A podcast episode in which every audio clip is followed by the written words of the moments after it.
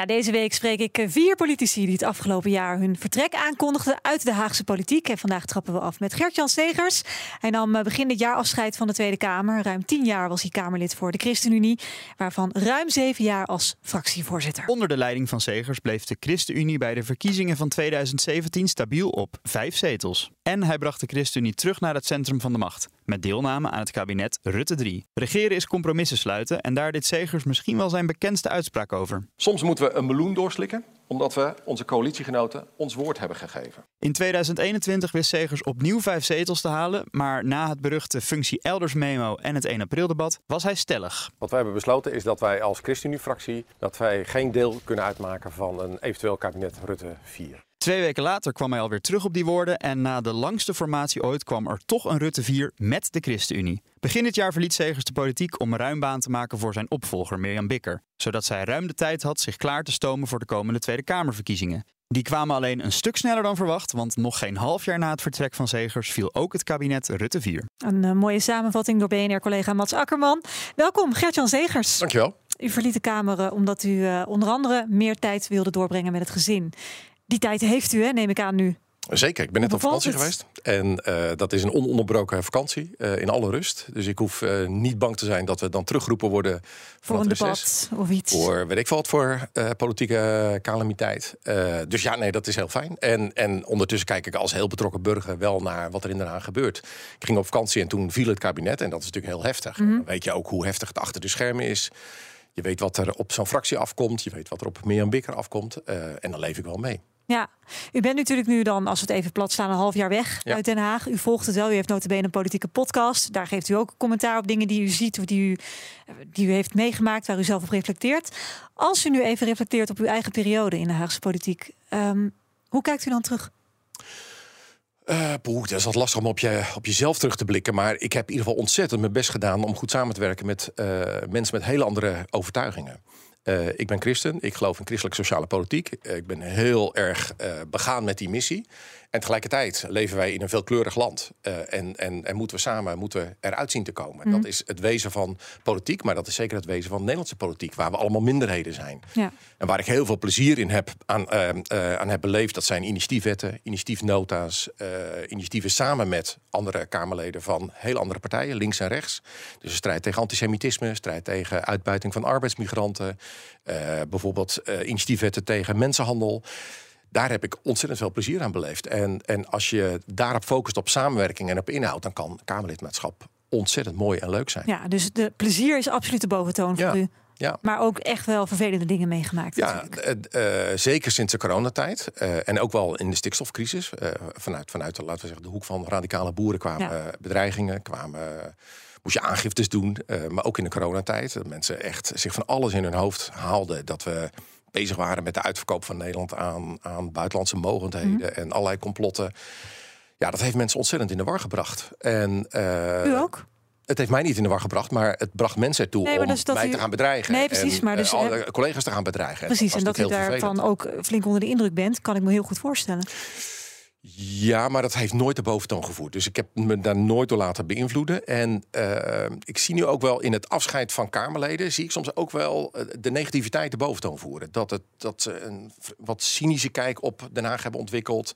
of uh, dat het heel vaak over bedreiging en beveiliging gaat. Maar dat is voor mij nooit de boventoon geweest. De boventoon is... Uh, je gaat naar de Kamer omdat je idealen hebt. Omdat je wil werken aan je uh, idealen. In mijn geval omdat ik van mijn geloof werk wil maken. En uh, werk van mijn geloof wil maken, dat mm -hmm. is het. En um, voor een deel is dat gelukt en soms is dat niet gelukt. Dus daar moet je eerlijk in zijn. Ook wanneer je, inderdaad compromissen moet sluiten. Wanneer het lastig is. Wanneer je niet helemaal je ideaal kunt bereiken. Maar ik heb wel degelijk dingen kunnen bereiken. En dat ja. geeft heel veel voldoening. Ja. En nu u van dat Haagse podium bent afgestapt. Is het dan ook meteen over met de bedreigingen? Uh, in ieder geval online, ja. Dus ik heb nog wel wat rechtszaken die slepen, geloof ik. Dus daar, af en toe krijg ik daar dan een bericht over. Dus dan heb ik aangifte gedaan. Wat is dat dan voor een rechtszaak? Waar moet ik dan aan denken? Nou, dat is één rechtszaak. En dat, ja, ik, ik vind het een, een, een hele dwaze zaak. Maar dat gaat inderdaad om een beschuldiging dat ik me schuldig hebben gemaakt aan genocide en aan uh, uitverkoop van Nederland. En er is dus iemand die dan een rechtszaak tegen u ja, start. Ja, en dat, dat, dat, dat loopt nog steeds. Ja. Um, Maar de bedreigingen online, die zijn echt van de een op andere dag is dat klaar. Dus ik heb 23 januari, uh, nee 13 januari kondigde ik aan, als ik het goed herinner, uh, dat ik zou stoppen. Mm -hmm. 23 uh, stopte ik, 24. ja. En het waren nog twee pieken in enorme scheldkanonades en, en nou ja, hier en daar ook een bedreiging. En dan ben je weg en dan houdt het op. Dus je ziet ook dat het heel georchestreerd is. Dus dat er ook heel veel trollen zijn die zich richten op mensen die op een plek van uh, ja, belang zitten, die in, invloed kunnen hebben. Nou, je ziet dat, dat, dat die boze geesten zo overspringen op de tijdlijn van mijn, van mijn opvolster. Ja. Ja, dat, dat, dat is heel naar. Maar dat betekent ook dat je het in die zin moet relativeren. Het is functioneel en, en, en ja, de meeste mensen die, die, die schreeuwen maar wat. Ja, maar u maakt daarmee wel eigenlijk reclame voor. Uh, nou, als je stopt, dan is het ook meteen voorbij. Zo goed als voorbij. Ik zou zeggen, als je Kamerlid bent, geniet daar zo lang mogelijk van. En maak er vooral inhoudelijk ook echt werk van. Bijvoorbeeld, denk na over wat, wat, wat de lange termijn idealen zijn. Waar je echt onderwerpen die jouw hart raken. Mm -hmm. Dus ik noem een paar onderwerpen die mijn hart hebben geraakt. Als je daar dan werk van kunt maken, is dat heel mooi. En wat ik nu zie, is dat er heel veel heigerigheid is in de politiek. Dus dat het heel kortademig is. Dat het heel vaak over politiek zelf gaat. En over politici. En inderdaad over bedreigingen. En over onderling wantrouwen en uh, wantrouwen um, in de politiek. En, en, en, daarmee komen, ja, halen we onszelf naar beneden. Halen we onszelf ook als samenleving naar beneden. Het democratische Moeten we het dan debat, niet meer benoemen? Um, het moet niet de boventoon voeren. Dus ik, ik, ik hoop oprecht dat als mensen nu nadenken... wil ik mij kandideren of niet... dat, dat, dat mensen bij twijfel het wel doen. Ja. Uh, we hebben mensen met idealen nodig. En ga voor die lange termijn. Ga voor die samenwerking met andere partijen. Ook met mensen van partijen die heel ver bij jou vandaan staan, maar waar je net bij dat ene onderwerp wel de overlap hebt. Ja. Maak daar iets moois van, dien die initiatiefwet in. En ik denk dat we uiteindelijk daarmee ook die samenleving een beetje beter maken. Nou hebben we natuurlijk uh, heel recent de val van het kabinet Rutte gezien. En daarmee ook het opstappen van Rutte zelf een paar dagen, gelaten, een paar dagen later. VVD die, uh, schrijft het ook een beetje aan de ChristenUnie toe. Hè? Of eigenlijk misschien wel helemaal dat het mislukt is. Is dat ook hoe het gegaan is?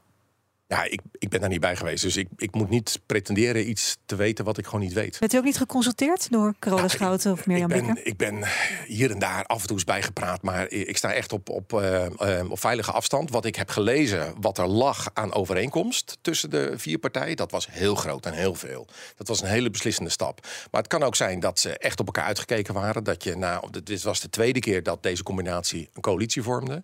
Nou, je hoorde net in het overzicht dat het voor ons wel... wij moesten van heel ver komen wilden, mm. we, wilden we meedoen. Uh, we stonden niet te trappelen. Maar omdat we het land bestuurbaar wilden houden... en omdat allerlei andere partijen elkaar uitsloten... hebben we uiteindelijk de stap naar voren gezet. Wilde u die meloen doorslikken?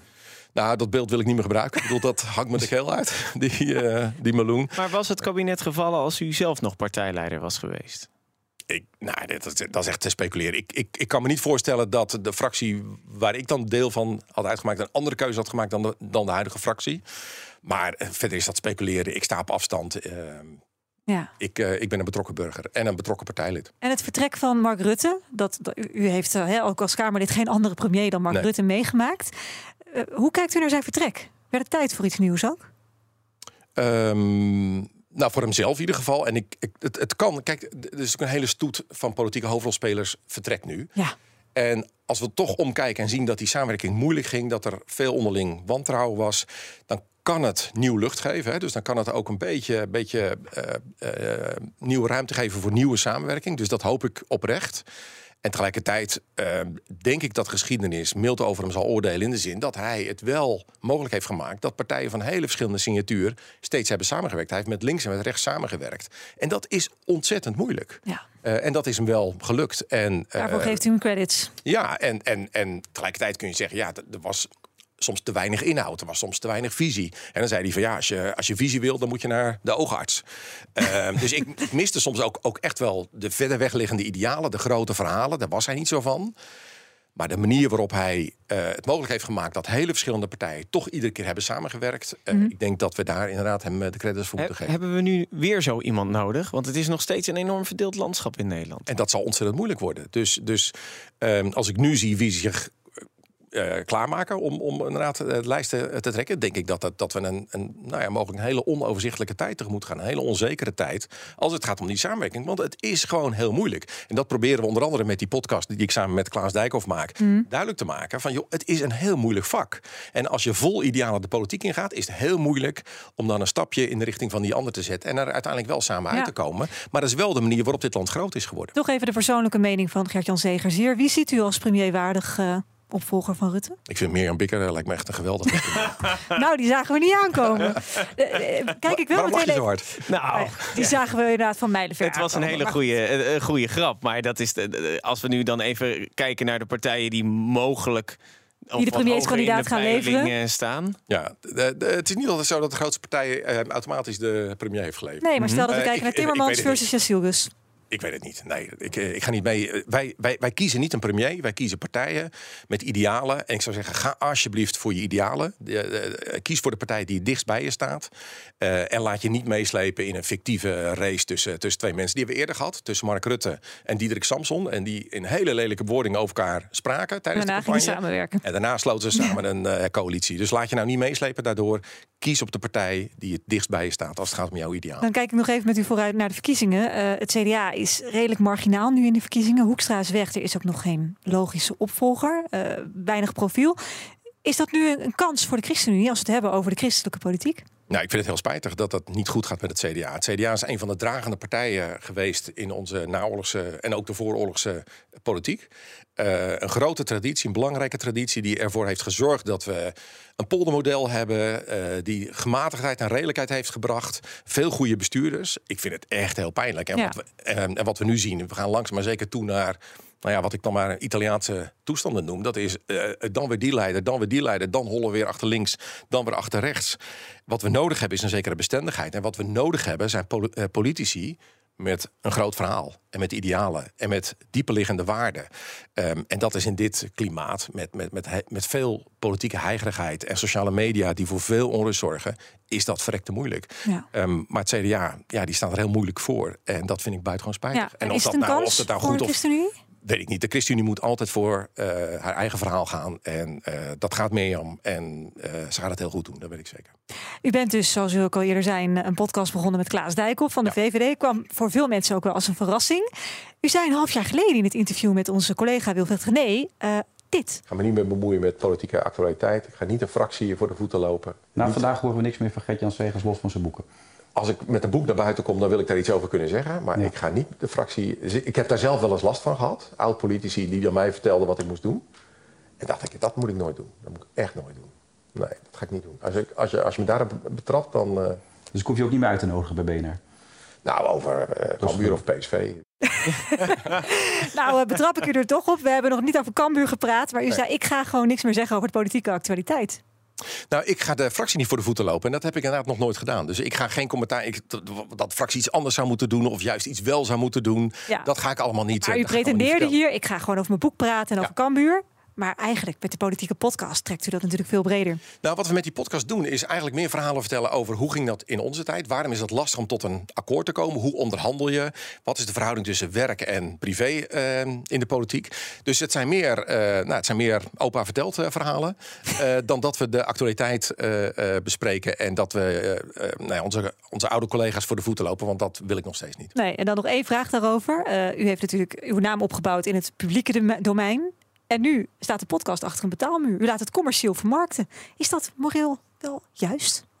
Nou, eh, voor goede journalistiek moet je, moet je betalen. We hebben een redacteur die eh, die, die uitzendingen voorbereidt en, en, en die dat allemaal klaarzet. En daar heb je gewoon eh, ook geld voor nodig. Dus het was Podimo die de, uit, die de uitnodiging deed. Die zei van, joh, zouden jullie die podcast willen maken? Nou, dat vond ik een mooie uitnodiging. Zoals je moet abonneren op een krant. zoals je moet betalen voor goede journalistiek. Zo moet je ook betalen voor goede podcast. Gelukkig is BNR met goede journalistiek nog altijd gratis. Maar met reclame. Dank Gert-Jan Zegers. Dank voor uw komst. Ook Harm Edens vind je in de BNR-app. Je kunt BNR Duurzaam niet alleen live luisteren in de app, maar ook terugluisteren als podcast, zoals al onze podcasts. En naast dat de BNR-app Breaking News meldt, houden we je ook op de hoogte van het laatste zakelijke nieuws. Download nu de gratis BNR-app en blijf scherp.